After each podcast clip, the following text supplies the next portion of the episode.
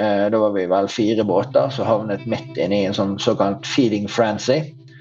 Der det var på hundrevis av store størjer som holdt på utenfor Øygarden utenfor Bergen og spiste makrell. Og det var helt vilt å se disse enorme fiskene. De, ja, de største vi så, de var garantert over 300 kilo, 350 kg. Eh, borti tre meter lange fisker. Eh, som hoppa helt klar av vannet. Spiste på horngjell og små makreller. Og vi fisket jo det vi klarte, da. Velkommen til Havkontoret.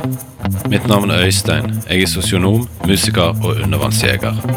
Denne podkasten er en serie intervjuer der vi snakker om hav. Det blir fridykking, men også fisk, fiskeri, miljøvern, bærekraft, jaktteknikk, skalldyr, matlaging, båtvett og livsnytelse. Hvordan får en nok tid på sjøen i en travel hverdag med jobb og familie? Er det håp for torsken i Oslofjorden? Hvordan står det til med kveitebestanden i Sunnhordland? Er det lyren som er dum, eller er det vi som er det?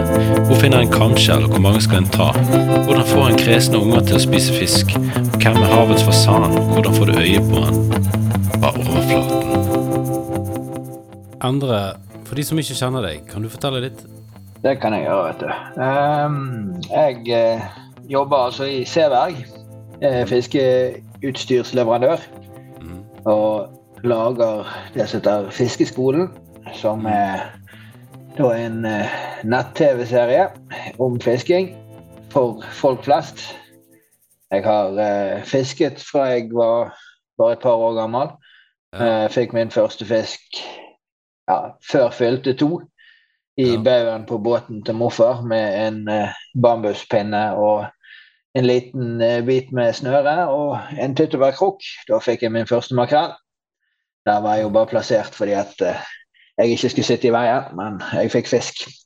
Ja. Og ja, så fikk jeg min første fiskestang da jeg var fem år gammel. Ja. Og eh, har fisket med stang siden. Nå er jeg 39, og ja. ja. Det går mye i fisking, og det har det gjort hele livet. Hvor var det du eh, vokste opp, eh, Hanne? Jeg er jo fra eh, Knarvik utenfor Bergen. Eh, født og oppvokst i området her. Har eh, bodd her hele livet og bor her fremdeles. Mm. Eh, gift, to barn. Eh, stasjonsvogn og tilhenger og båt og bikkje og katt og akvarium og alt som er.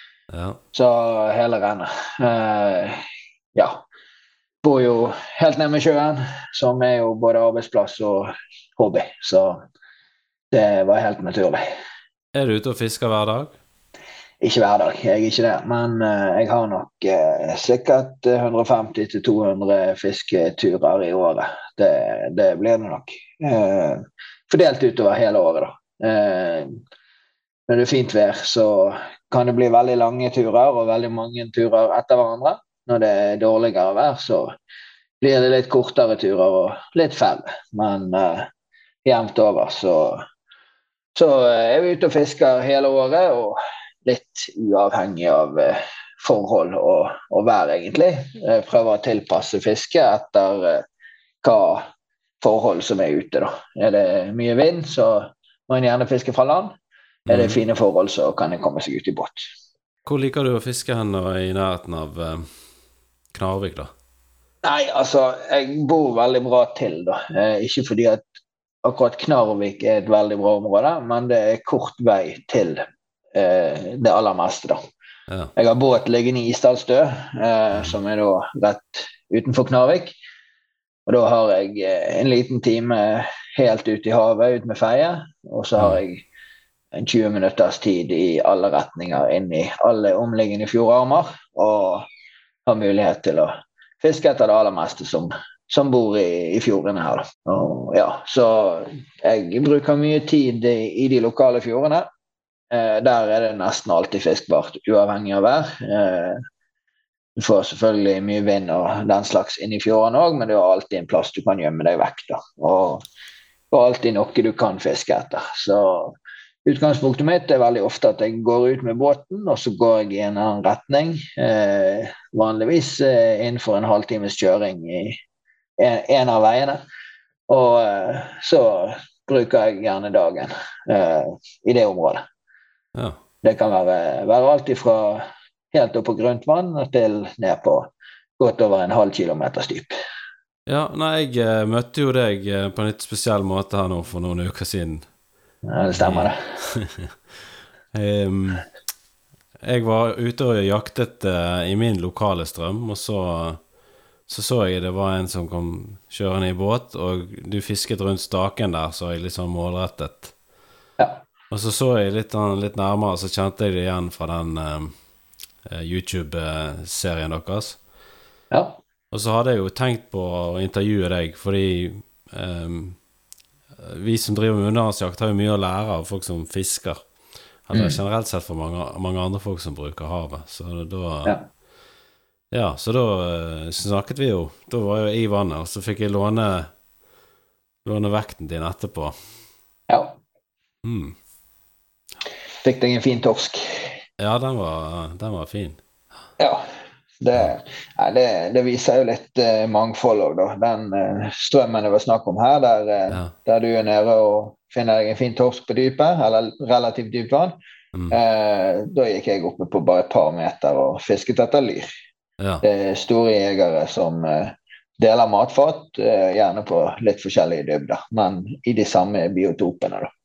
Ja. Så ja, som du sier, veldig spennende. Mye av det som eh, skjer under vann. eh, det er jo det, Den felles fascinasjonen for eh, undervannsliv, den har jo både vi som fisker fra båt og fra land, og de som trives best under vann på, på UV-jakt. ja. Så det er jo mye, mye av det samme vi holder på med, da. Men det som du sier eh, kan ofte utveksle gode erfaringer. Og jeg vet at mange av de som eh, dykker og jakter under vann, de følger med på de som fisker, og vice versa. Mm. Det, det er bare greit. Ja, jeg pleier alltid å snakke med folk i havn, altså både på vei ut og på vei opp igjen, for ja. ja. Det er jo gøy å snakke om eh, fisk generelt. Ja, det er jo det. sant? Og det er fascinerende. og det, Jeg tror det at eh, i hvert fall for mitt vedkommende, og sikkert for mange andre, så er, jo, er det jo det der med at eh, det er så mye liv under vann som vi egentlig ikke ser før uh, vi enten dykker ned eller uh, sender ned agn og kan dra opp noe av det som bor der nede. Det er jo, det er jo bare en, en stor grå overflate normalt sett. sant? Ja. når du kjører forbi og, og ser ut på havet. Men så vet jo vi som bruker havet, at, at der eh, under der finnes det veldig mye spennende. Hva er det som er din drømmefisk? Altså din favorittfisk? Ja, nei, det, vet du hva, det, jeg driver jo mye med det som heter artsfiske og spesimenfiske. Det er jo eh, det handler jo primært om å fiske etter eh, forskjellige arter. Selve artene i seg sjøl er ikke det som driver meg mest. Det er mer det å prøve å finne de store eksemplarene av så mange forskjellige arter som mulig. Det er Mm. det som eh, i hvert fall før i tiden het spesimenfiske. Mm. Der vi da eh, altså eh, går etter de virkelig store. Og generelt så er det jo det å, å finne de store og skjønne hvordan de eh, oppfører seg, godt å si, hvor de holder seg, hva de spiser, hva som gjør at de har blitt så store. Eh, Mm. veldig ofte handler jo det om at de er, ja, i mangel på et bedre ord, smartere enn mange av de andre. da. At Ja. det, de er ja, mer skeptiske. De er mye vanskeligere å få til å ta et agn eller en sluk eller hva du måtte fiske med. Mm. Og eh, ja, flinkere til å gjemme seg. Mm. Jeg eh, er jo veldig tilhenger av eh, å spise det som fiskes, men eh, det går hånd i hånd med å sitte bak igjen eh, større fisker som eh, tåler det. da. Du har en god del arter som, eh, som tåler fang og slipp eh, veldig bra hvis det gjøres riktig. Ja. Og eh, der velger jeg vanligvis å sitte ut igjen de store fiskene og heller ta de, de mellomstore til mat. da. Eh, Ja, okay. Spise andre arter.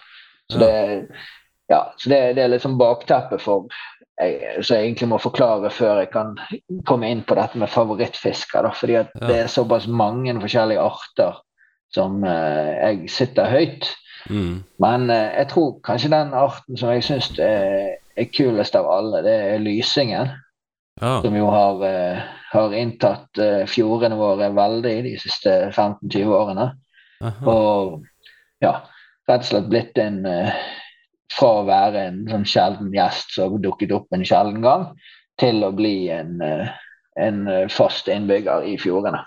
Ja. Spesielt rundt Bergen. Og eh, det er en art jeg fisker mye etter, har fisket mye etter og har lykkes mye med å få store fisker og skjønne i veldig stor grad hvordan fungerer. Ja. Og eh, det har vært en gøy prosess å få til.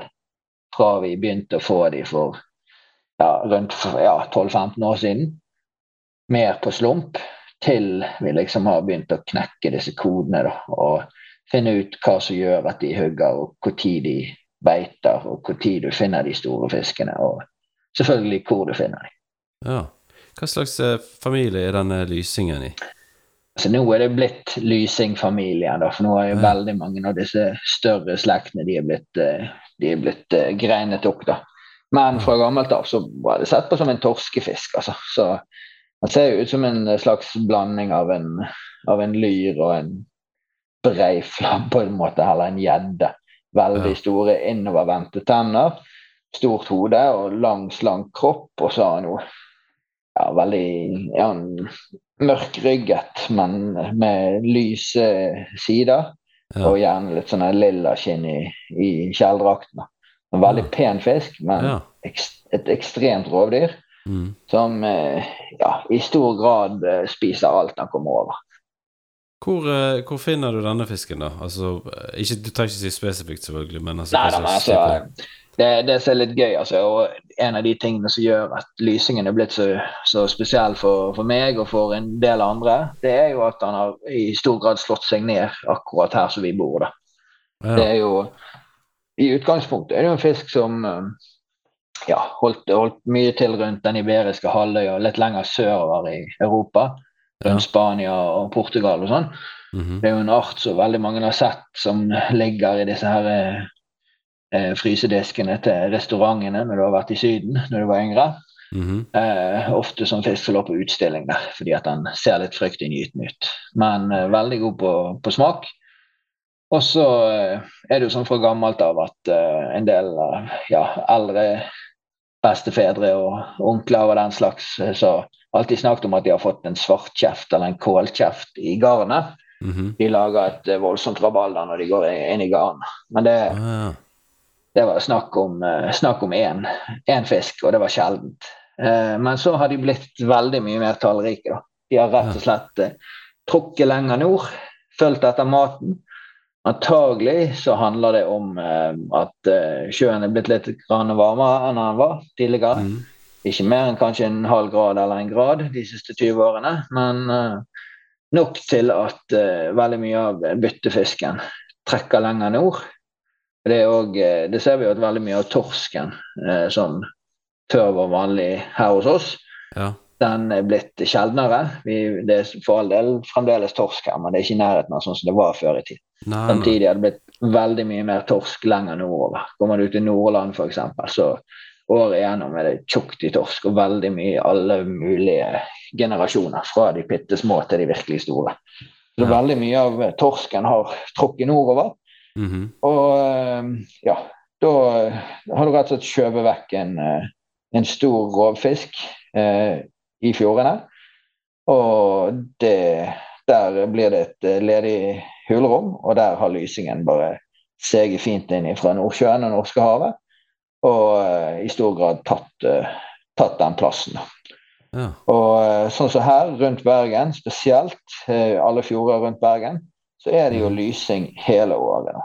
Og egne bestander som, som bor, eller i hvert fall forgreininger av bestander, som holder seg i fjorden hele året. Som gyter her, og som du kan få hele året igjen. Eh, samtidig så kommer det òg en eh, Det er jo den samme arten, men eh, si nå en havgående bestand, da, som trekker inn fra havet inn til kysten når vi begynner å nærme oss eh, sommer, eh, mai-juni der omkring. Og eh, som gjerne da beiter kystnært, men i havet. Og så trekker han inn i fjordene for å gyte, og blander seg med den fjordlevende fisken. Ja. Hvor, hvor, hvor dypt står denne fisken her, da? Er det en dypfisk, eller er det en Nei, altså Vi fisker de helst fra 50 til 150, så det er relativt dypt. Men Mm. på nattestid så, så regner det at vi får de oppe på bare et par meter. Ja, Og eh, ja, det er jo flere som er blitt tatt eh, på fridykking nå i år, så vidt jeg har forstått. Jeg har jo en del kompiser som driver med fridykking, og Ja. som følger eh, Alta Forum. Og flere som har eh, rapportert om at de har, eh, har skutt uh, lysing. Og usikker på om det er på dagtid eller på, på nattestid, men uh, det som vi i hvert fall merker, er at når vi er ute og fisker på nattestid, så kan vi påtreffe uh, lysingen veldig grønt. Ja. Det, det er en fisk som jakter hele døgnet, og som begynner å bevege seg mye. Han ligger i utgangspunktet nede på, på fine sedimenter, gjerne mudder og muddersand. Mm. Ligger han der og følger med på alt som skjer over han, og så på et eller annet tidspunkt så, så begynner han å jakte i de frie vannmasser. Og da, eh, det er den kuleste fiskemetoden vi gjør, egentlig. Det er jo det som heter eh, jiggfiske, der vi fisker med hel mm. Mhm. eh, på lett utstyr. Slipper det ned til bunn, og så jigger vi oss oppover i sjøen. Da er det ikke uvanlig at fisken følger etter fra dypet, og, eller fra bunnen, og 20-30-40 meter opp i vannsøylen, og så tar han der. Når han da hugger og vil ned igjen til bunnen, så får du jo voldsomme utras. og Ja. Skikkelig fight i fisken. Ja. Så uh, det er et veldig spennende og morsomt fiske. Det er fisker som blir opp i ja, Vi har fått dem på over 13 kilo. Mm. Eh, Norgesrekorden er rett i overkant av 14. Det er, det er relativt store jegere, og de er veldig glupske.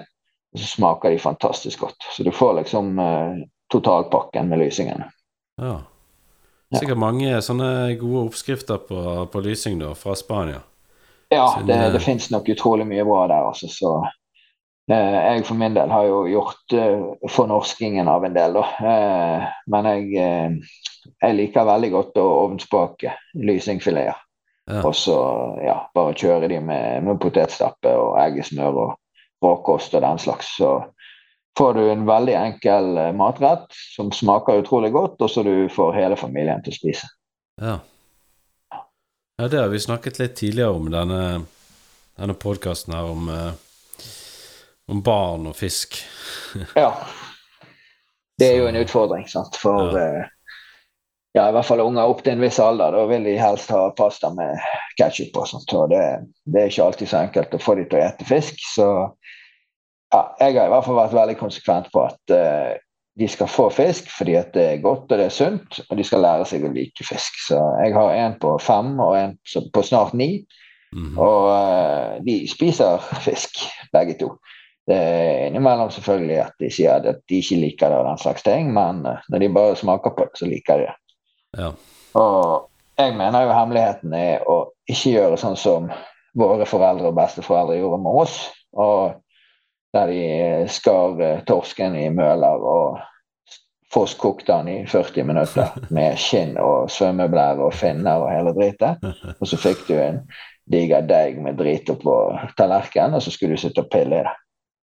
Det er det veldig lett å skjønne at folk ikke liker. Så jeg eh, prøver å være så grei som mulig og tilrettelegge så bra som mulig. Så jeg skjærer det beinfritt og skinnfritt, og så tilbereder jeg det sånn at det ser ut som god mat. Mm. Så får de godt tilbehør til det, og da, da blir det spist. Altså. Det er litt sånn jeg har eh, gjort òg, altså, for jeg var jo vokst opp med mye Jeg har kokt fisk, eh, Ja. og jeg, det vokste i munnen. Jeg, Ja, det, jeg brekte meg, ja. og eh, min mor bare sa at dette er så godt, det var så godt sånn. Det spilte ingen rolle for meg, jeg syntes ikke det var noe godt. Her må jeg eh, rett og slett eh, bryte inn litt for å moderere mine utsagn. Dette gjelder da utelukkende den kokte fisken jeg ble eh, forsøkt servert. Etter dette her, spesielt fra tenårene og utover, så har jeg fått veldig mye god fiskemat av min mor.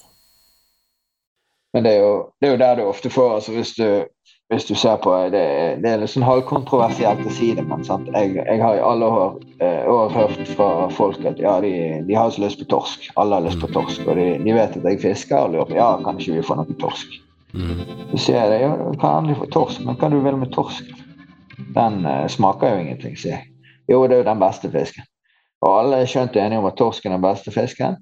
Men alt handler jo om at uh, torsken, det var jo det man fikk tilberedt med, med skikkelig tilbehør. Sant? Med med poteter og med smelta smør og bacon og ertepuré og hele rennet. sant? Og da, da ble det godt. Selve torsken i seg sjøl er jo rimelig smakløs inntil du salter den. Da smaker den salt. Men det er veldig mange hvite fisker som er sånn, det er ikke sånn voldsomt kraftig smak på dem. Ja. Ja, Nei, det, det er nettopp det. Så hvis, men hvis du liker fisk, ordentlig liker fisk, så er ikke torsk en fisk som står høyt i kurs. Han, han skiver jo seg, så han er, han er behagelig å spise, men det er lite smak på. Så jeg har jo gjort det i alle år med, med tidligere kollegaer og naboer og den slags som har lyst på torsk. Ja. Så jeg har sagt ja, prøv noe annet. Nei, det er torsk de vil ha. Så har jeg gjerne tatt og, og skjært eh, rene fileter og tatt skinner, sånn at du ikke ser forskjellen på det. Så har de Ja. fått både lange og brosme og andre arter. Og Mm. ja, bestefisken de har fått det kjempegodt. Og det er sånn som de ikke i utgangspunktet ikke hadde lyst på i det hele tatt, for de har dårlige minner fra de var unge. og spiste i, i hel salter og i helkokte brosmer og langer fra dypet. Så eh, jeg, jeg mener jo det når det kommer til fiskemat, så handler veldig mye om å tørre å prøve og tørre å skjønne at du har utrolig gode råvarer tilgjengelig, Mm. og eh, at en på ingen måte trenger å gjøre sånn som man gjorde for 50 år siden. Nå har vi alle muligheter til å lage helt annen mat, og det er utrolig mye godt du kan lage av fisk. Ja, jeg syns jo måte liksom det der eh, Altså For min del så jeg, jeg bruker mye sitrus når jeg lager fisk, altså på forskjellige måter. Syns jeg, jeg sjømat generelt uten sitrus, det da hadde jeg blitt litt lei meg hvis jeg ikke kunne få spise det. Jeg er helt enig. Den blandingen av, eh, av eh, ja, salt og, og surt, den er utrolig viktig for den balansen. Mm. Eh, ja, spesielt eh, når du lager mer ja, sånn ja, grillet fisk og den slags. eh, helt avgjørende. Og ofte hvis jeg ikke bruker sitrus i, eh, i ja, jeg bruker det mye i fiskesauser, da. men eh, hvis jeg ikke bruker det rett på fisken, så bruker jeg det ofte i, eh, i en eller annen form for tilbehør. Ja. At du, at du surer opp et, eh, et av elementene som er på tallerkenen. Det, det hjelper veldig på. Jeg har laget en sånn her eh, slags thai-inspirert saus. Ja. Altså med, med lime og ingefær og koriander Ja. og chili og, og, og eh, fiskesaus.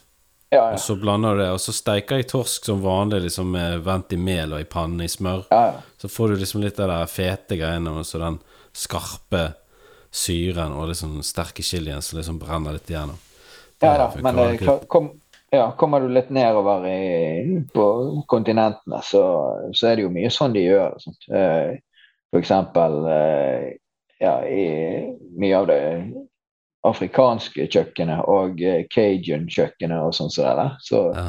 så det er veldig mye spices. Altså. Og selvfølgelig hele det asiatiske kjøkkenet. Der er de jo fantastisk flinke å bruke fisk. Og eh, ja, der, der lager de jo de, de steker jo, i hvert fall når du kommer eh, ja, eh, i Asia, så er det jo mange steder de, de, de tilbereder krydder, krydderblandingen i flere timer. Og så tilsetter de kjøttet helt til slutt. sånn, Fordi at Ja. kjøttet er egentlig bare ja, det, det er det minst viktige. Det, det er tilberedningen av krydderblandingen som er, er essensen. Og det er utrolig fascinerende, for det er jo stikk motsatt av hva vi gjør i Norge.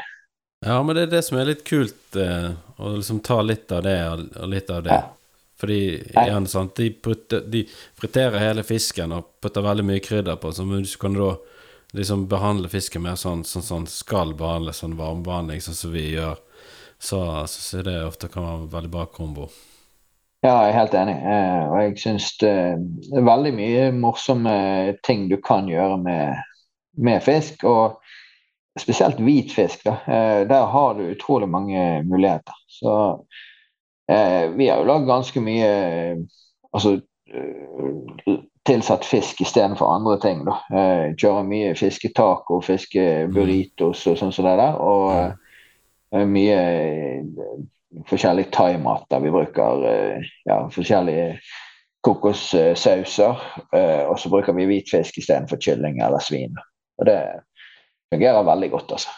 Ja. Har du hørt om noe som heter eh, kokonja? Nei, nå er jeg Det skrives kokoda, men det er fra Fiji. Så det, det er egentlig ganske likt den uh, søramerikanske cevichen, men du, de tilsetter kokosmelk i.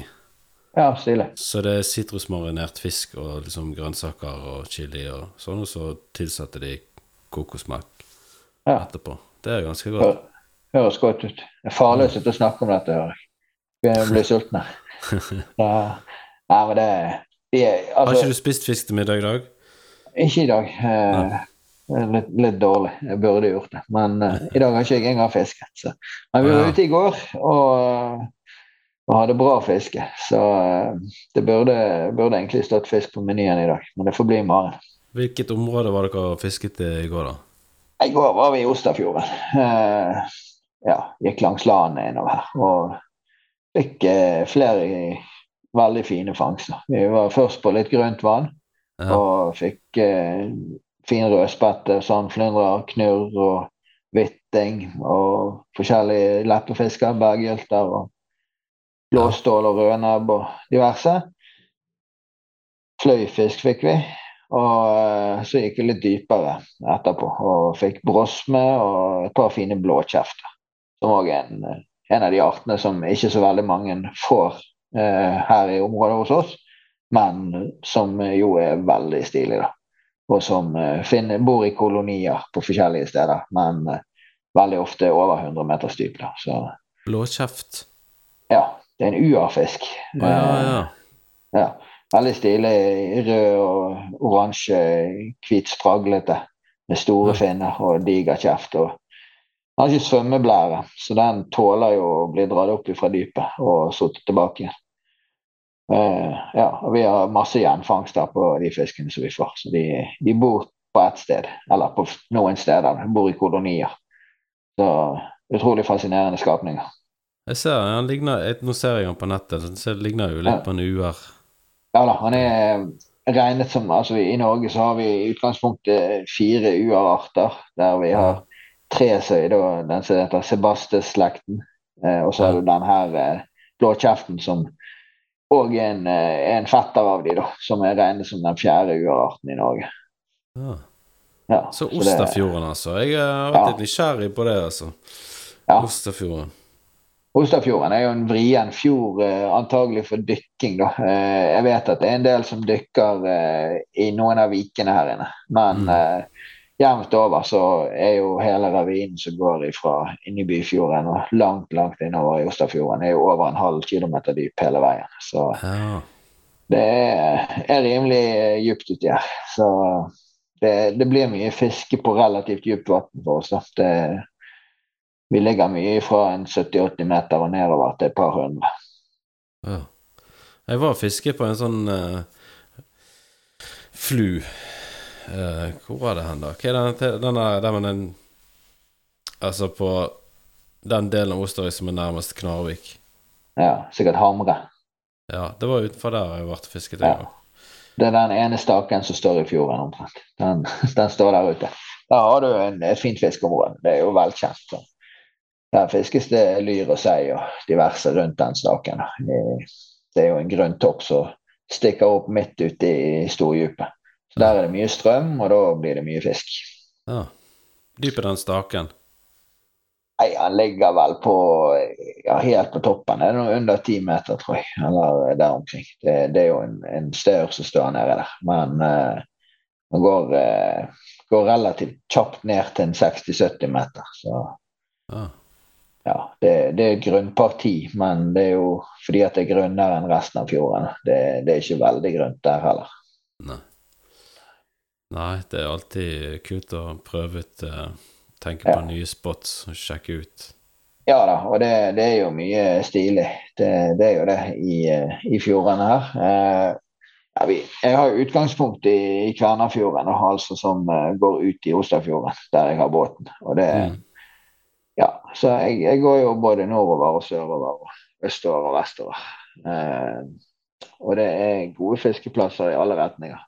Ja. Men eh, ja, i fjorden så er det jo sjelden du fisker veldig grønt. da. Vi, vi er stort sett på ja, fra 40-50 meter og nedover. Ja. Ja. Har du noen gode tips til folk som driver med undervannsjakt, om hvor de kan eh, finne fisk? Ja, altså det, det blir jo kanskje litt generelt, da, men eh, Ja, det det, som, eh, ja, det som ofte er, er tingen eh, Det som vi ser etter når vi fisker, Mhm. det er jo egentlig det samme som eh, dere som dykker bør se etter. Og det er jo eh, ansamlinger av mat. Og maten den genereres eh, jevnt over av strøm. Mhm. Strømmen kan jo lages av tidevann, kan lages av månefaser, kan lages av alt mulig. Mhm. Eh, men først og fremst eh, så skal du ha områder der det er konstant mye strøm, eller strøm mesteparten av døgnet i hvert fall, så må du jo inn i diverse sund. Eh, Mm. Smale passasjer der mye vann skal gjennom. Eh, gjerne grunnparti, gjerne en terskel. Mhm. Eh, ja, de, de generelle tipsene der. Det som er eh, tingen med strømmen, er jo at den virvler opp eh, smådyr eh, småfisker og gjør at det er vanskelig for de å eh, bevege seg i vannet. Dette blir jo mat for mindre fisker, som igjen blir mat for større fisker. Det er jo Mhm. egentlig helt logisk, hele det spillet der. Men eh, det er jo det å, eh, å finne fisken. Og det sier jeg veldig ofte når vi er ute og har, eh, har foredrag og den slags og forteller om fisking. Så veldig mye handler om å prøve og feile. Fordi at Mm. det kan godt hende du finner en god fiskeplass som ikke er god akkurat når du er der. Mm. Og så kommer du tilbake to dager seinere, så kan det være fullt i fisk der. Mm. Det, det skjer ofte ting under sjøen som vi ikke har kontroll på. Mm. Og vi kan forberede oss så godt som vi bare kan, og vi kan legge til rette med, med etter alle kunstens regler. Men eh, det er til syvende og sist eh, det som skjer under vann, som spiller en rolle. Og det kan forandre seg helt uten at vi kan ha noe som helst eh, kontroll på det. Mm. Noe så enkelt som at det kommer inn en, en sti med brisling, kan ødelegge den eh, naturlige balansen på, på et sekund. Sant? All fisken som normalt sett står og, og beiter på f.eks. store lyrer som står og beiter på, på leppefisker og småpaler og den slags, Mhm. de kan plutselig bare bli knipset rett ut av eh, komfortsonen sin fordi at det kommer inn en stor sti med sild. Og så begynner de å jakte på den istedenfor. Da hjelper det ikke at du er på den plassen der du burde vært under normale omstendigheter, men samtidig er det vanskelig for deg å vite at det står en stor sildestim 500 meter lenger borte, med mindre du er nede og ser på den. Mm. Så, eh, ja, og det, det, Vi ser det spesielt når vi er ute i havet. Eh, F.eks. å ligge og fiske etter lyr oppå en grunntopp som kanskje er 30 meter. Mm. Eh, så kan du ligge og tro at du fisker riktig og ikke få en drit, og så står all fisken på andre siden. Ja. Hadde, du stått, hadde du kjørt over fluen og fisket på 50 meter lenger på baksiden, så hadde du fått fisk. Men er ikke, er ikke det ofte på oppstrøm eh, Er det på oppstrømsti på siden de står, eller ikke er det litt sånn Ja, de fleste jegere de, eh, de gjemmer seg eh, i bakevja, da. Ja. Stiller de seg gjerne litt i skjul, og så står de og venter på at uh, strømmen skal føre med seg byttefisk. Eventuelt uh, uh, står de og følger med på de litt mindre byttefiskene, mm. og tar de når de holder på med andre ting. Typisk når en liten fisk blir skadet, eller en liten fisk går til angrep på noe, konser på å jage noen småtterier, og ikke følger med på faren som lurer bakfra. Det er sånn typiske bakholdsstrategier som lyren kjører, spesielt. da. Ja. Eh, Lyren er jo en veldig god jeger med store øyne og en smart fisk, egentlig. I hvert fall med et godt instinkt.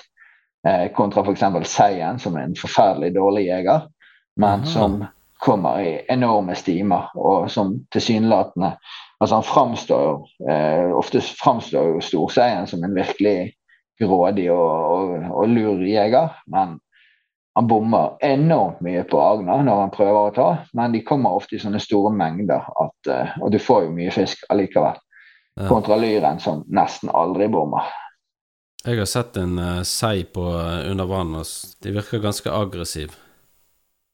Ja, det er de. Altså, de Eh, aggressive er de, men Mm. eh, ser det ofte når vi, spesielt når vi kjører agn med litt stor fart på, mm. så er det veldig ofte seien bommer. Han, han måker etter og prøver å ta. Uh, ofte han feilkroker seg, rett og slett uh, bommer, og så sitter kroken seg i ryggen på han og sånn så der. Det skjer nesten aldri med lyren. Den uh, er mye mer elegant når han angriper.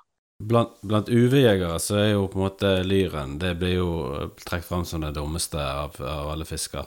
Ja, og det er egentlig litt interessant. Men det, det handler jo om at uh, han står jo mye mer i ro. Sant? Og ja. han er nysgjerrig og han er uredd, mm. så han kan ofte mm. svømme rett på deg. Mm. Så du kan sikkert bare skyte han omtrent på, på direkten. Men uh, ja, Eh, det handler jo rett og slett om at eh, du som UV-jeger er jo i fisken sitt element. Og han er i hvert fall lyr med litt størrelse. De har ikke så mange naturlige fiender. Så de er naturlig, naturlig uredd. Men, men, igjen, lyren er jo litt sånn uh, Det er jo de minste som er mest uredd. jo større de blir, jo mer var blir de. Ja, og det, det, er jo en grunn til at de er blitt så store. Liksom. Så det, det jo, Der kommer jo det inn i bildet, det, det som jeg snakket om i sted, med, med spesimenfisk. Mm. Å få en stor lyr på stang, det er ikke enkelt. En, eh, altså du, du, får liksom, du kommer opp i en, kanskje en fem-seks kilo, av og til en syv-åtte kilos hvis du er veldig heldig. Ja. Men uh, disse virkelig store, uh, de som passerer ti kilo, det blir knapt tatt på stang. Altså, fordi at de, de er så var, og de er så ja, utspekulert. De vet hva de skal ete, og de har gjerne en diett som består av paler som er 300 gram. Det er bare det de spiser. De, de tar, snapper en her og der, og så spiser de ikke noe annet. Nesten umulig å få de til å ta. Jeg vet de som fisker veldig målrettet etter løyr, de, de går etter, etter, de store midt på natten. Eh, når eh, ja, lyset er så dårlig som mulig. Ja. Og så fisker de med da, eh, veldig naturtro eh, gummijigger og den slags, som imiterer skadet fisk i mye større grad enn en vanlig sluk. da. Skadet småsei? Ja, typisk det. Eh, det, det, er det som ofte, i hvert fall her hos oss, skal til for å få de store. Da. Så har du selvfølgelig unntak eh, eh, andre steder i landet der det er vanligere å få stor lyr i, ja, i, i hvert fall til gitte årstider og den slags, da. Men uh, mm. snakker mest eh, om uh, lokale forhold her nå. Så det men, men, jeg er med på hva du mener med at fisken kan framstå dummere. Og lyren er vel en av de første fiskene en begynner å skyte som UV-jeger, vil jeg tro. Absolutt. Det er den fisken du alltid ser det er mange av de, sant? og de liker seg på grunt vann, de liker seg i tareskogen, de liker seg på strømutsatte steder. Mm. Der som man typisk eh, har klarere vann, og der som, eh, der som, det er naturlig å dykke. Da. Eh, og de er tallrike.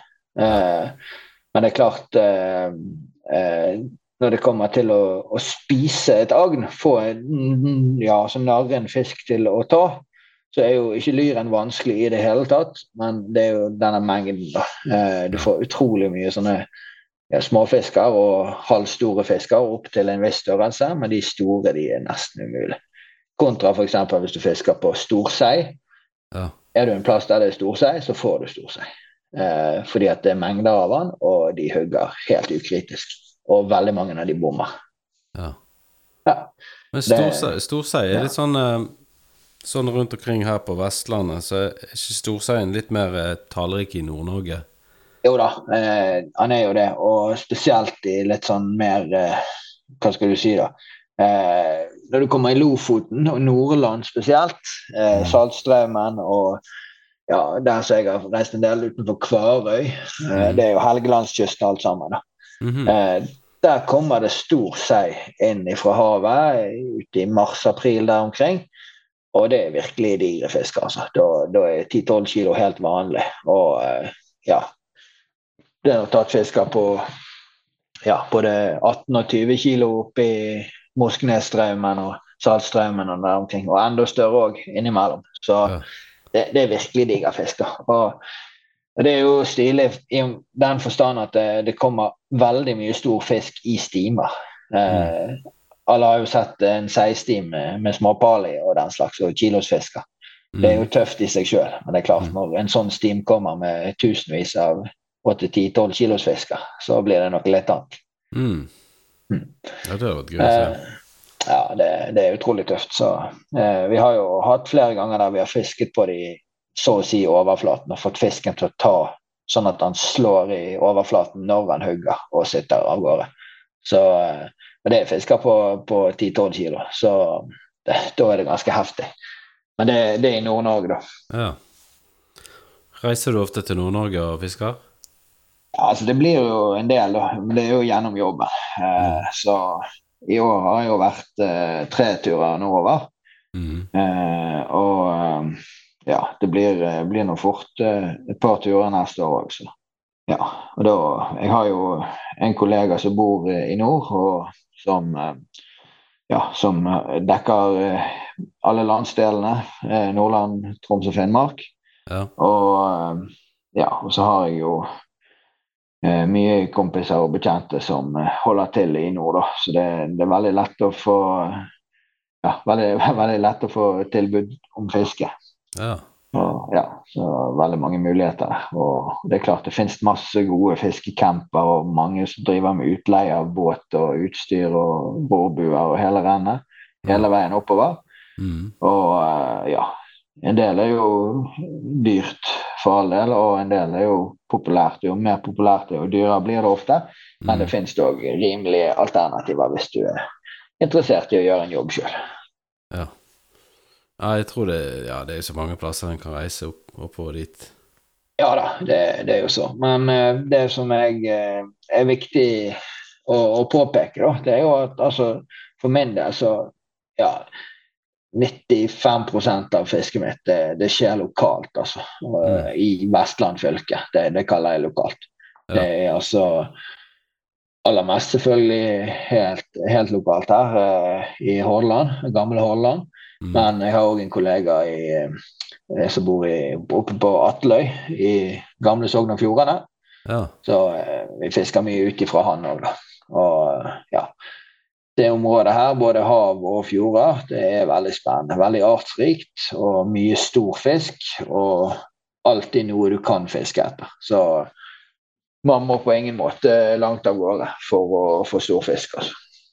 Ja, det er kult det det er egentlig òg, å, ja, å gjøre det i nærheten av der som en bor. Ja, det, det er vesentlig. Altså, jeg mener det, hvis du, hvis du brenner for fisking, så må du ha en mulighet eh, til å fiske lokalt. Altså. Hvis det, hovedhobbyen din er fisking, men det eneste fisket du har lyst til å gjøre, det er storkveite og stortorsk i Nord-Norge, da, da må du enten ha ekstremt fleksibel arbeidstid Mm. og god råd, eller så må Mm. du på flyttefot. Altså. Så det jeg anbefaler alle som liker å fiske, det er å prøve litt forskjellige ting. Eh, begynne lokalt, fiske etter forskjellige ting. Og for all del, hvis du eh, ja, Mm. dykker du, er det jo én ting. Da, da ligger jo ting litt eh, automatisk. Da, da begynner du jo med å gå ned og, og se, selvfølgelig, og sanke krabber og skjell og den slags. Og så går du jo antagelig gradvis Mm. over på, på jakt, da. Men eh, hvis du er ute og fisker eh, fra land og, og vil, eller i båt og vil utvide horisonten, så handler veldig mye om å bytte ut den klassiske sluken med, med naturlig agn. Fiskebiter eller kokte reker eller blåskjell eller hva du måtte ha tilgjengelig. Da vil du veldig fort begynne å få mye mer fisk og helt andre arter, og veldig kjapt Ja. eh, større fisk òg. Da blir fisking veldig mye mer interessant enn om du bare skal ligge og fiske etter de to-tre vanlige artene Ja. som du får på slutten om sommeren. Ja, nei, det er jo noe å tenke på. Jeg har ikke jeg har fisket mye når jeg vokste opp. Um, nå tok jo der dykkingen helt av, så, så det er ikke så ofte jeg fisker med snøre. Ja. Men eh, jeg tenker jo at det, hvis du bruker den litt den samme målrettet eh, eh, metodene, så, så er det vel mye å få tak i der òg, da. Ja da, for opplegget er jo det samme. Altså det, det er jo den Mm. samme pasjonen, alt sammen. Eh, Det handler jo bare om hvordan du utøver hobbyen din. Sant? Eh, En driver jo i praksis med det samme. Alle som holder på med disse tingene, vet at det er veldig altoppslukende, og at du blir veldig giret. Og ja, at det er veldig kjekt. Og så er det jo selvfølgelig dette En ting er jo det å, å fiske eller dykke. Det, det er kjekt og alt dette her. Og, men altså, det er jo òg ofte en, eh, en kameratskap, Mm. et kameratskap i det. Eh, Du treffer nye folk, og, og folk som er likesinnet. Eh, både ute i felt, men òg eh, inne foran PC-en og i forskjellige Mm. fora og den slags ting. Eh, folk med felles interesse de, de søker jo til de samme områdene. Eh, i tillegg så får du selvfølgelig veldig mye opplevelser ute. Uh, det, det, sitter jo jeg veldig høyt. Uh, når jeg fisker, så er det jo fiskingen som er i fokus. Men jeg er veldig var på at Veldig obs på at jeg er i naturen, og at jeg ja, vi, vi, skal mm. ta vare på naturen, og vi skal sette pris på det som er. Altså det, selv om du er vant til at det flyr ørene over hodet på deg, så, så, kan du stoppe opp og, og se litt på den likevel. Altså, det, sånne ting er viktig. Og jeg så på det nå faktisk, jeg tenkte på det i dag. Eh, jeg gjorde ferdig en, en episode fra, ja. som skal slippes i morgen. Eh, fra når vi var på Sørøya nå i høst. Han slippes den 25. November ja, når dette kommer ut, så har han kanskje sluppet. Eh, det er han nok antagelig. Men um, det blir i hvert fall én av fem episoder som vi lager fra den Sørøya-turen som vi hadde nå i høst. Og ja, vi, Da var vi altså og fisket torsk. Eh, torskefiske på Sørøya det er jo kjent for å være mm. veldig bra. Men nå var det, når vi var der oppe, det var, det var så enormt med fisk i sjøen. Eh, brisling og småsild og lodde og sei. og det, det kokte. Det lå masse yrk, store yrkesbåter langt inn i fjorden og, og, fylte opp kvotene sine, for det var så mye fisk. Så alt av større råfisk var mett. Oh, ja. Det var nesten umulig å få torsken til å bite på, på vanlig pilk og vanlige kjedder og sånn som vi fisker med. Så vi måtte prøve å tilpasse så godt vi kunne. da. Så da gikk vi ned i, i størrelse på alt vi fisket med. Fisket med små gummijigger, gummikjeder. Og da begynte fisken å bite. Så da fikk vi ganske bra med, med fin torsk oppi ja, største var vel, passerte vel 14 kilo, så, men veldig mye sånn eh, ja, mellom 5 og 8. Da. Og, men de, de, gikk rett og slett og beit på småfisk, og det var helt kul umulig å få dem på noe annet enn disse her eh, små skjeddene. Da. Og det var litt fascinerende. Men eh, oppi det hele så ble det jo en, et tregt mm. fiske, da. Eh, der vi hadde forventet veldig, veldig hett mm. fiske. Mm så ble det utrolig tregt. Men da, da, kom disse naturopplevelsene virkelig til, til syne, da, og ble ekstra ja. viktige. Der vi fikk sånne skikkelige seigkok med ja, kanskje 600-700 måser over, helt enorme mengder med måser som gikk og beitet oppenifra på mm. sild som ble jaget opp mm. av sei. Og alt sammen eksploderte i, i en skikkelig mølje der ute. Og der fikk vi bare sitte helt på første benk og se ja. på. Så vågeval og ja, springere og diverse andre sjødyr som herjer rundt oss, og fint vær og solnedganger og hele den. Da, da, skjønner du jo det at, uh, at du har en hobby som uh, er litt utenom det vanlige, og der du er rik på mange andre måter enn uh, nødvendigvis å fylle stampene mm. hver gang. Ja, nei, det er jo en fin måte å være på sjøen på. Ja, fantastisk fint. Så vi, vi, vi, pleier å kalle det for uh, verdens fineste hobby. og det, det, tror jeg de fleste som driver med alle former for fiske og undervannsjakt og den slags, kan være enige om. Mm. Altså. Du, dere har laget en del filmer eh, om uh, tunfisk. Ja. Hvordan uh, har dere ja, gått fram? hvordan får du tillatelse, f.eks., til å Nei, altså, tunfisken, den, det er jo en spesiell historie, da. Fordi at ja, det, dette er jo blåfinnet tunfisk, makrellstørje. Mm. Det, det, er jo den regnes som den sterkeste fisken i verden, og så blir han jo i tillegg mange hundre mm. kilo. Og var, hele bestanden var fisket fullstendig i, i sund, og det var ja, lå veldig dårlig an i det hele tatt. Og det er ikke alle som helt uh, skjønner opplegget her, fordi at Eh, det er mange som, ja, I hvert fall i begynnelsen så var det mange som var veldig negative til at det ble fisket etter den igjen når det ble åpnet mm. opp.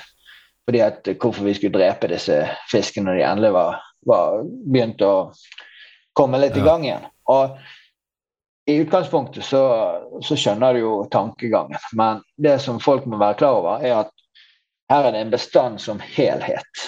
Hele den nordatlantiske bestanden, mm. det er jo altså fisk som eh, ja, normalt sett holder til i varmere farvann. Men når det begynner å somres godt, så trekker de største individene nordover. Og Det er altså de samme fiskene som normalt sett holder til i Biscayabukta og, og lenger sør i Europa. da. akkurat de samme fiskene. Ikke bare den samme arten, men de samme fiskene. De svømmer enorme distanser, så de krysser lett verdenshavene. og eh, kommer da inn til norskekysten. Dette har de gjort i uminnelige tider, men så ble jo hele bestanden altså fisket ned. Det var utrolig dårlig kvoteregulering eh, overalt. Masse tjuvfiske og mer fisk som ble tatt livet av enn som vokste opp. Og, så, ja, så hele bestanden sleit utrolig. Og eh, ja, det var primært på 50- og 60-tallet det, det, gikk fullstendig galt. Og da bidro Norge veldig godt. Eh, fisken som kom opp her, den ble, ble, jaktet med harpuner og kanoner og stein og garn og det folk hadde tilgjengelig. Og eh, det var viltfiske. Og jeg har sett bilder av gamle filmer av masse greier fra hele norskekysten der det ligger på hundrevis av døde fisker inne. og Hele samfunn var engasjert i størjen. og ja, Det var, var rett og slett en vesentlig mm. industri. Men um, så kollapset altså bestanden. Og de fleste trodde jo at det der kom aldri til å bli bra igjen. Uh, men så har jo da altså disse sett ICCAT, det er jo internasjonale kommisjonen for bevaring av bestand av nordatlantisk uh, bestand av blåfinnet tunfisk. De, de, har gjort en kjempejobb og over veldig mange år har kjørt knallharde kvotereguleringer i alle land som er tilknyttet organisasjonen. Og det er mesteparten av ja, eh, Europa og ja, de aktuelle landene som, eh, som den blåfinnede tunfisken eh, ferdes langs kysten til. Og dette er et arbeid som da har båret frukter. Og det igjen gjorde da at bestanden har tatt seg gradvis oppover. Og for en ja, 12-15 år siden så begynte de første observasjonene å komme langs norskekysten mm. igjen. Først uh, små flokker, og så ble det flere og flere. Og uh, så begynte en da å få opp øynene for at uh, ja, fisken var på vei mm. tilbake. Han gjenopptok de gamle næringsvandringene sine nordover. og det gjør han bare når det er mye fisk og de store fiskene som kan svømme langt, de, de gjør det for å finne eh, beiteområder som er mindre, mindre okkupert av artsfrender og andre store byttedyr. beitedyr. Eh, og nei, andre store jegere, og da, da trakker de rett og slett mhm. nordover. Det begynte de da å gjøre. Og så Norge som den fiskerinasjonen vi er, de, eh, vi eh, ble jo en del av eh, dette systemet og søkte om kvote. Eh, fikk kvote 2015. Eh, da var det én båt som fikk kvote. Var ute og prøvde og fant ingenting og var litt usikker. Året etter ble kvoten videreført. Samme fartøy ute. Da tok de over 190 fisker i ett kast. Eh, og det, det, var liksom starten på det nye større eventyret, om man skal kalle det det. Det vi håper i hvert fall skal bli et større eventyr, og er i ferd med å bli det. Ehm, etter det, fra 2018, så eh, ble det startet et testfiske i eh, regi av Havforskningsinstituttet, der målsettingen var å fiske større med stang og merke mm. dem. Eh, der søkte vi om å få ta del med et team vi satte sammen, Team mhm. Seberg. Og ja, vi fikk godkjenning som ett av et par og tyve team.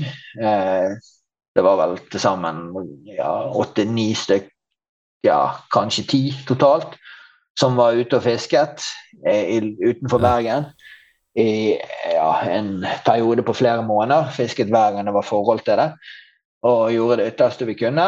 Men uh, den gangen var det ingen som hadde noe erfaring. Det var veldig labert det vi kunne.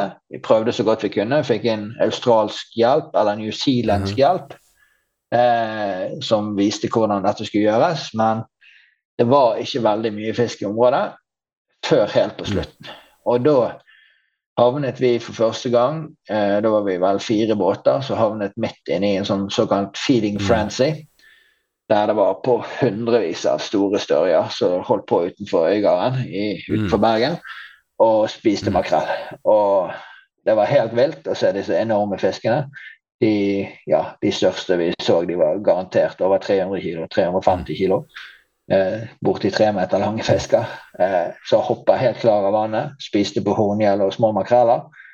Og vi fisket jo det vi klarte, da. Eh, det ble krukket til sammen to fisker. Eh, der det ene ble vellykket merket og eh, med en satellittag. Og eh, ja, det var nok til at prosjektet ble videreført. Året etter det så uh, var det ja, mindre, et mindre prosjekt. Da. Det ble det overført til uh, Fiskeridirektoratet.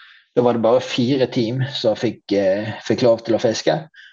da hadde ikke vi eget team, men vi var med meg og en annen fra teamet vårt var med i et annet team og var ute og testet det òg.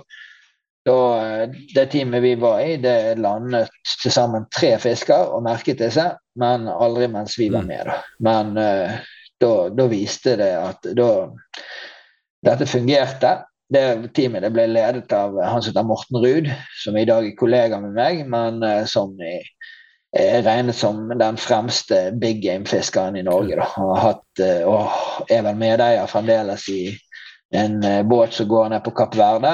Og ja, er, den, er virkelig den som kan uh, storviltfiske uh, i Norge. Da. Uh, og har tradisjonelt sett vært det. Så fra hans båt ble det landet tre fisker, og så ble det vel landet én utenom det eh, oppe på Frøya. Og så, året etter det, da eh, videreførte Fiskeridirektoratet. Da er vi kommet til 2019. Mm. Eh, de videreførte dette her, og da ble det åpnet for eh, større påmelding. Da søkte vi igjen. Da var vi ett av 24 team som fikk godkjenning til å delta, da som egen team. Og, eh, nei, 2020 vi kom til, da. Og da var vi ute. Da, da fikk vi første fisken alene òg. Eh, Som dere merket, eller? Da var Nei, den, den, ble tatt med inn. Da, da, ble det innført sånn. Det var et merkefiske, men det var òg rekreasjonsfiske. Så alle teamene som var med, de kunne høste én fisk.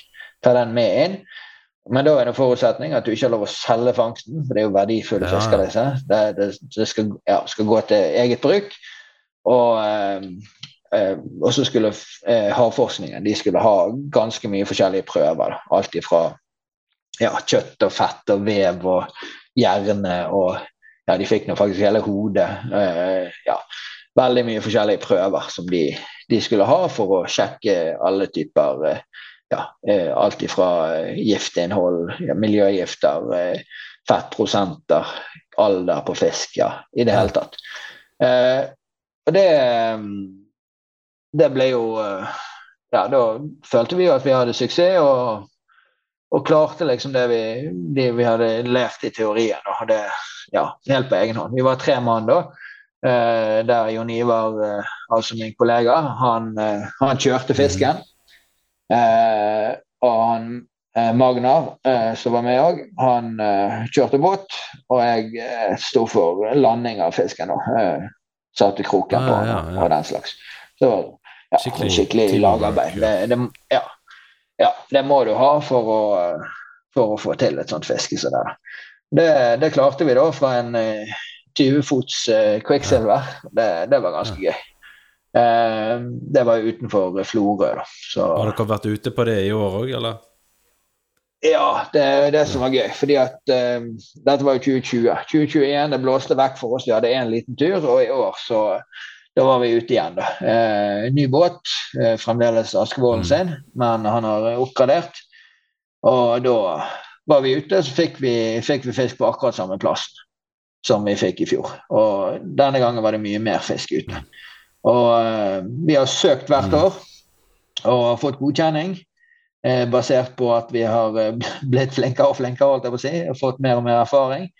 Eh, så nå, Vi er jo et team på, på, fem stykker som alle nå har vært med å få mm. fisk. Eh, den som vi fikk i år, da var vi fullt team når vi var ute. Og eh, ja, det var en fisk på 210 kilo. Og denne gangen så var det jeg som fikk sveiva opp. Mm. Uh, Magna var førstemann ut. Han fikk jo en fisk i 2020, men den, han slapp rett og slett etter uh, et godt kvarter. Var ingen, ingen indikasjon på hva som var galt, men han har rett og slett ikke sittet skikkelig. Så helt uskadet snøre og uskadet kroke og alt sånt der. Men han var førstemann som fikk kjenne på kreftene, da.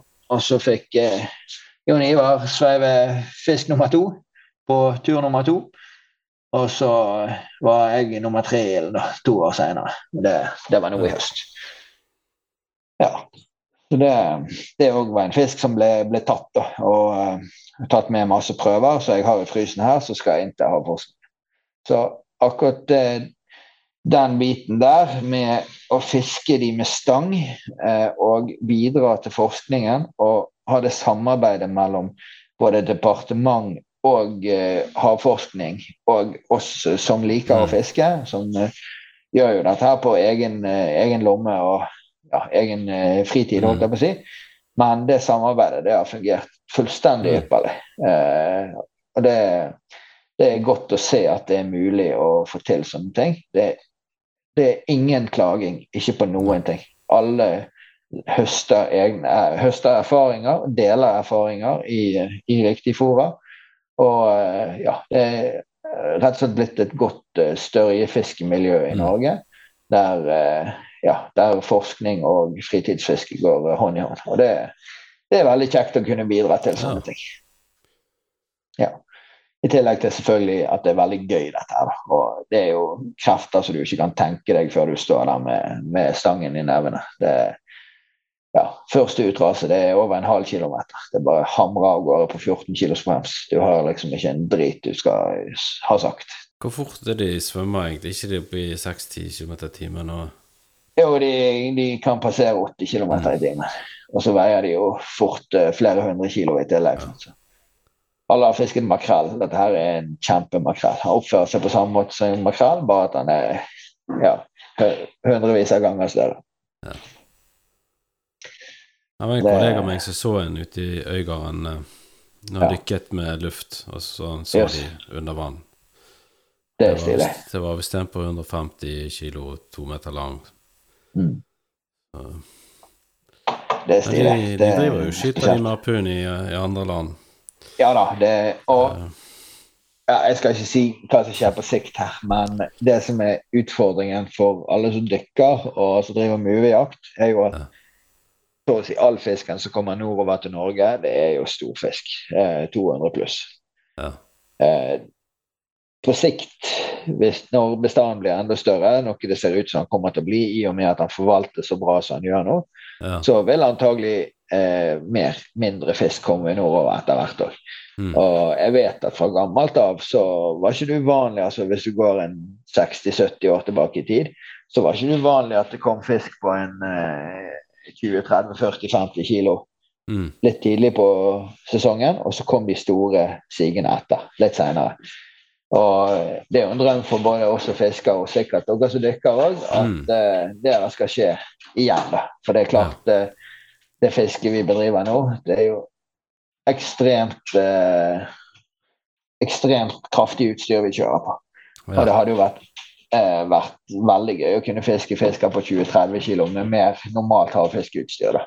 Ja. som er litt tilpasset det vi holder på med. Ja. Hører jeg noen som er utålmodig skal gå ut på tur?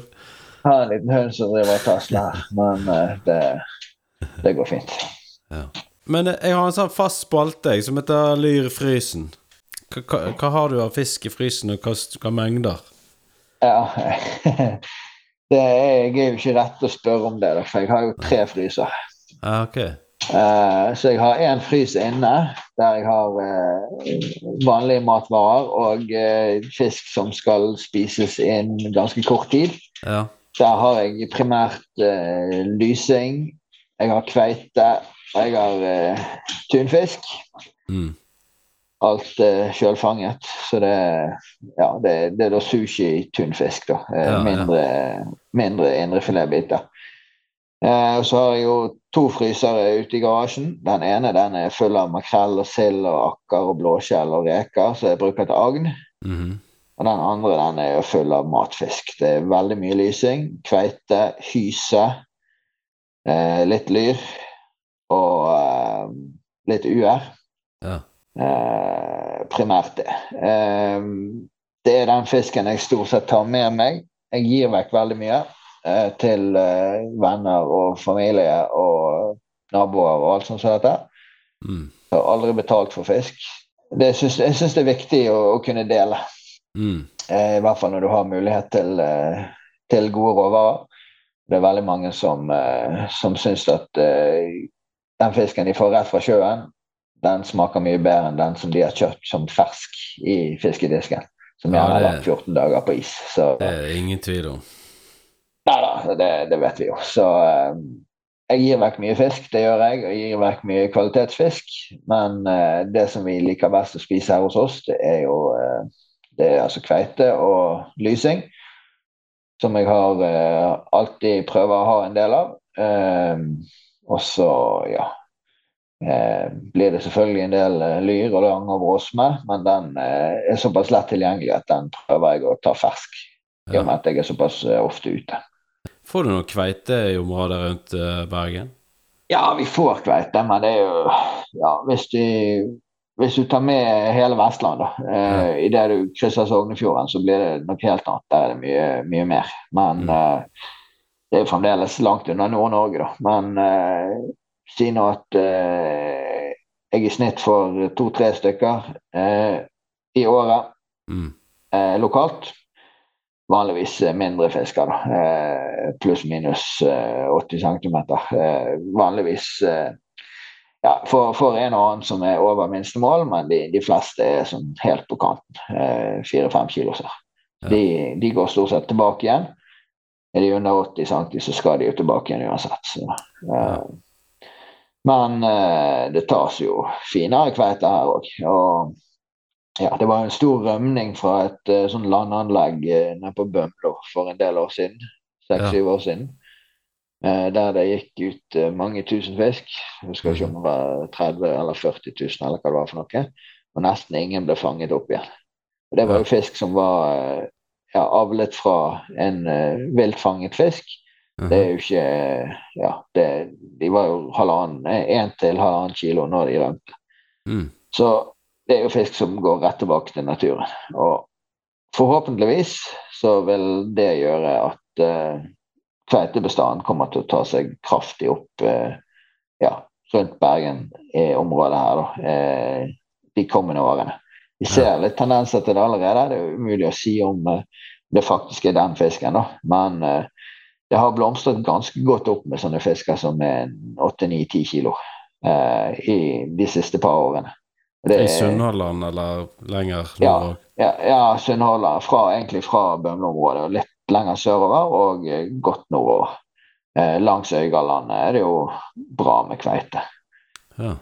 Så eh, du har, har, en del muligheter. Og de aller fleste vi får, de, de tar faktisk på kystmeite, da. Så altså agnfiske fra land. Ja. Eh, så det er relativt grønt vann. Ja. Men hvor mange som faktisk ligger der ute, det vet jo ikke vi. Vi har jo ikke noe altså det, det eneste pekepinnen vi har, er jo hva vi får på. Og det er som sagt ikke veldig ofte, men jeg har plasser der jeg kan gå på høsten spesielt og ja, være ganske trygg på å få en kveite i løpet av et par-tre turer. Ja. Ja, så, så han finnes, absolutt, men ja, Du nevnte jo et sted som lå i nærheten av den strømmen der.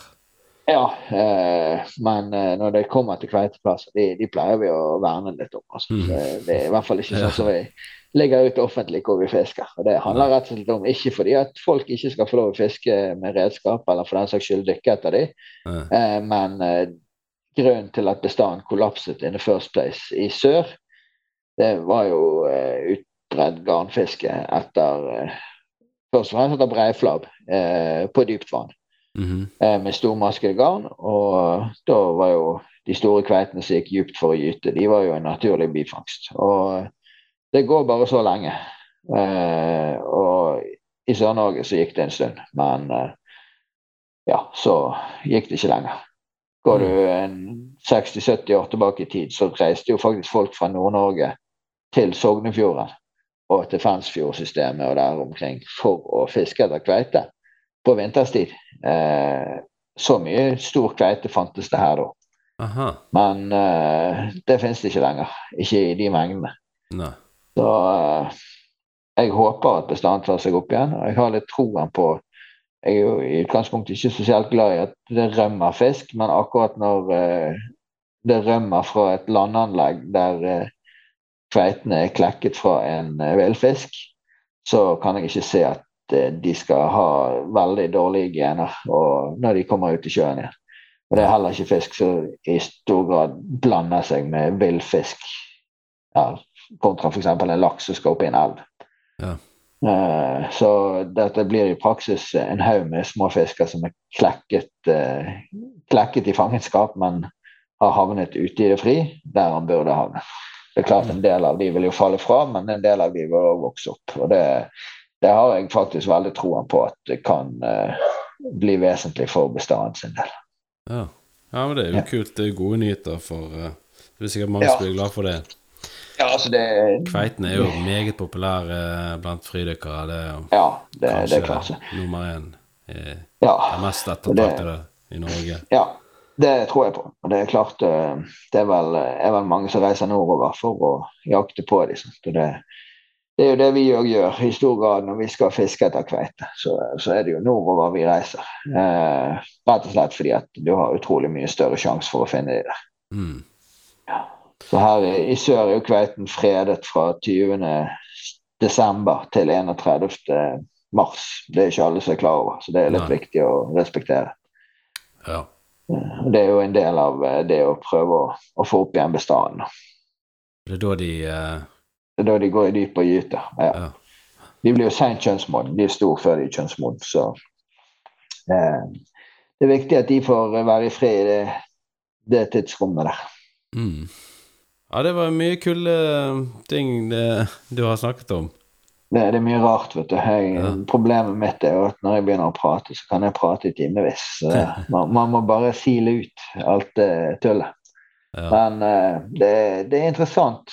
Veldig mye av det som skjer nede i sjøen og skjer i tilknytning til, til hav og fisk og alt sånt, jeg syns det er veldig interessant. Ja. Og eh, som sagt vært opptatt av det hele livet. Alltid fra jeg var liten og gikk og rotet ned i fjæren og prøvde å finne ut hvorfor ting fungerte sånn som de fungerte.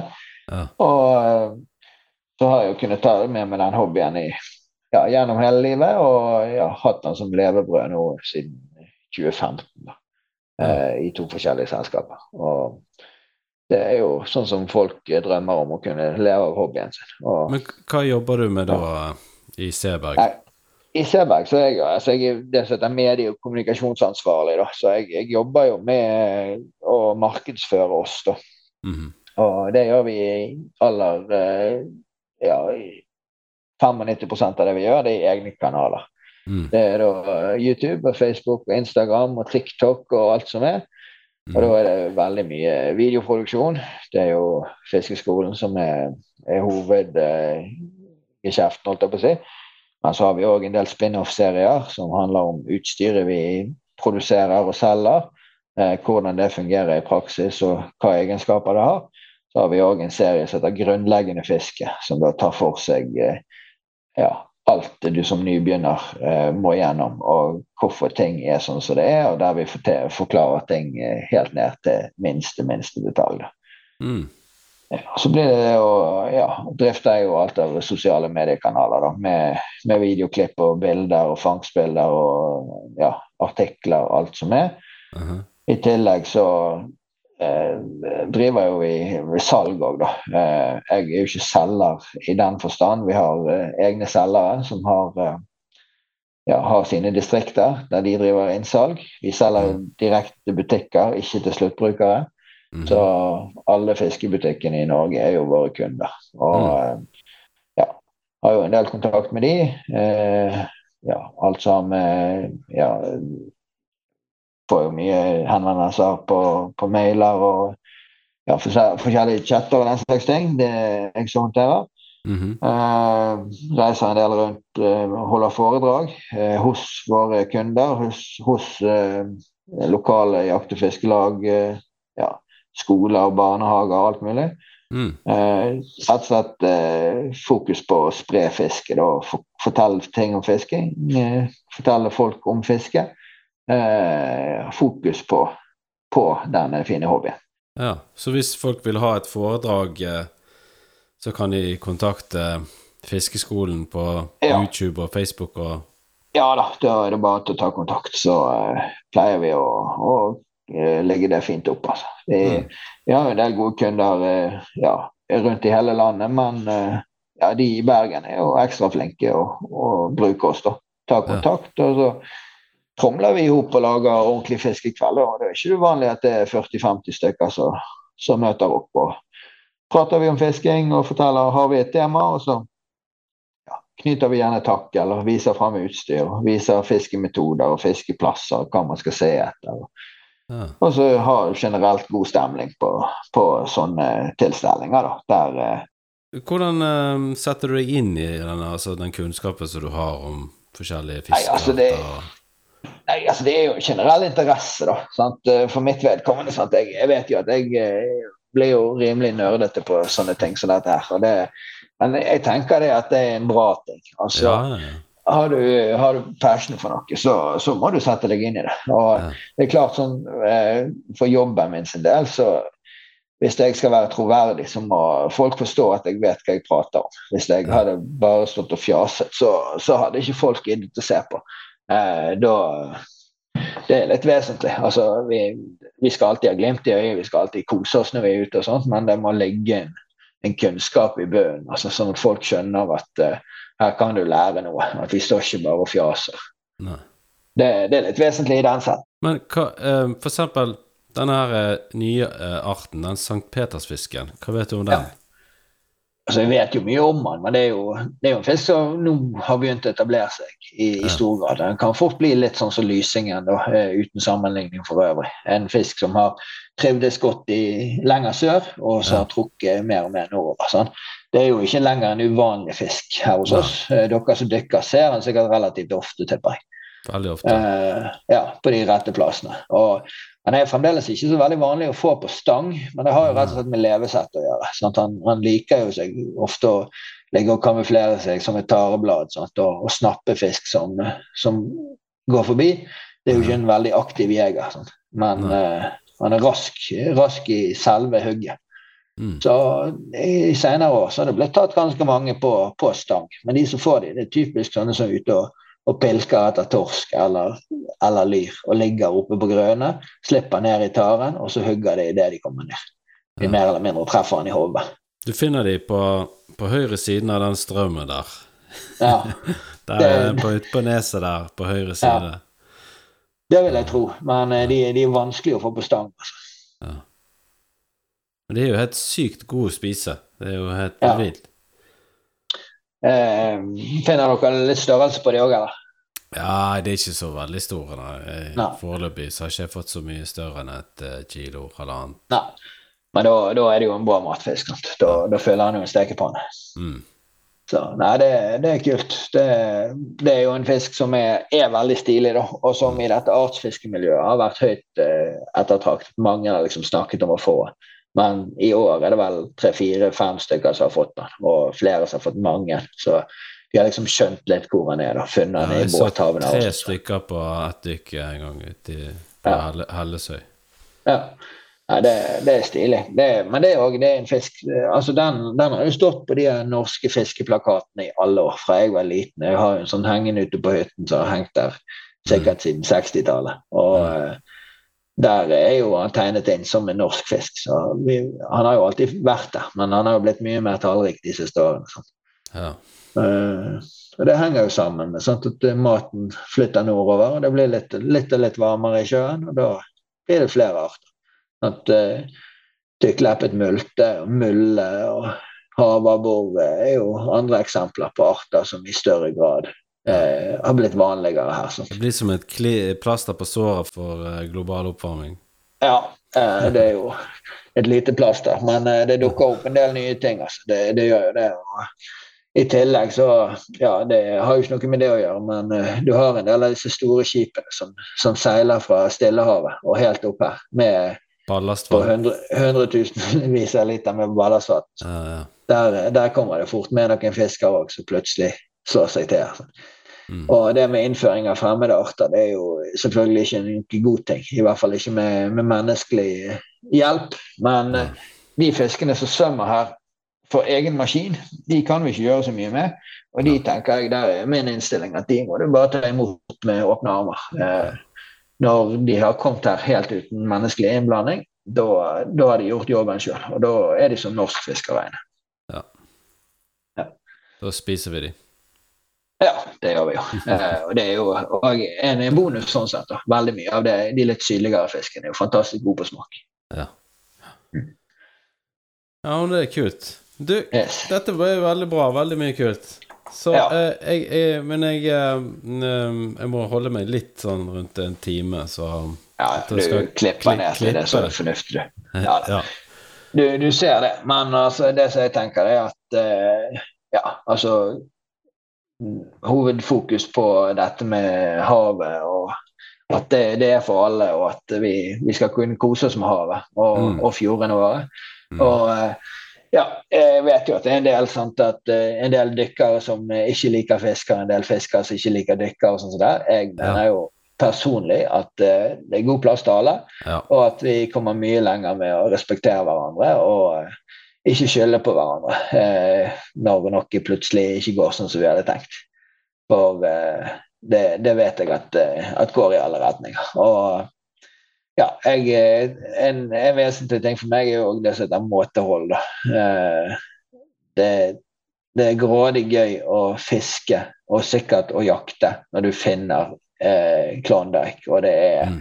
ekstreme mengder med fisk. Men eh, jeg er i hvert fall sånn at jeg prøver alltid å moderere meg. Treffer jeg et knallbett, Mm. så gir jeg meg alltid etter noen fisker, eller jeg begynner å sitte tilbake igjen. Eh, og, og kjøre de eh, veldig rolig, sånn at de ikke blir skadet. For eh, ja, du, full frys, det, det kan være bra, men eh, å ha 200 kg med filet i frysen på en vanlig familie, det har ingenting for seg. Det klarer ikke du å ete opp før det begynner å bli dårlig. Nei. nei. Så eh, bruke hodet litt grann når man, eh, man har gått fiske, det, det er en oppfordring til alle. Både, både fiskere og dykkere. Ja. Fikk vi litt moral inn i det her òg. ja, det er fint med litt moral. Ja, Men det var fint å eh, eh, avslutte på en litt sånn moralistisk tone.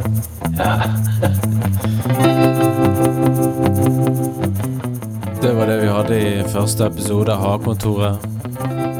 Jeg syns det var veldig interessant å høre på Endre. Han kan veldig mye om fisk. Sjekk ut Fiskeskolen på YouTube. Følg eh, Endre på Instagrammen hans, Fisk og Rask. Neste episode kommer snart ut. Da skal vi snakke med en veldig flink eh, undervannsjeger fra Danmark og Stord, Mikael Bye. Følg Havkontoret på Facebook og Instagram. Det kommer eh, oppdateringer om nye shows. Oppdateringer av news. Jeg blir glad hvis noen skriver eh, en anmeldelse. Kom gjerne med konstruktiv kritikk. Og hvis det er noen som har lyst til å sponse meg, så kan det være noe jeg er villig til å diskutere.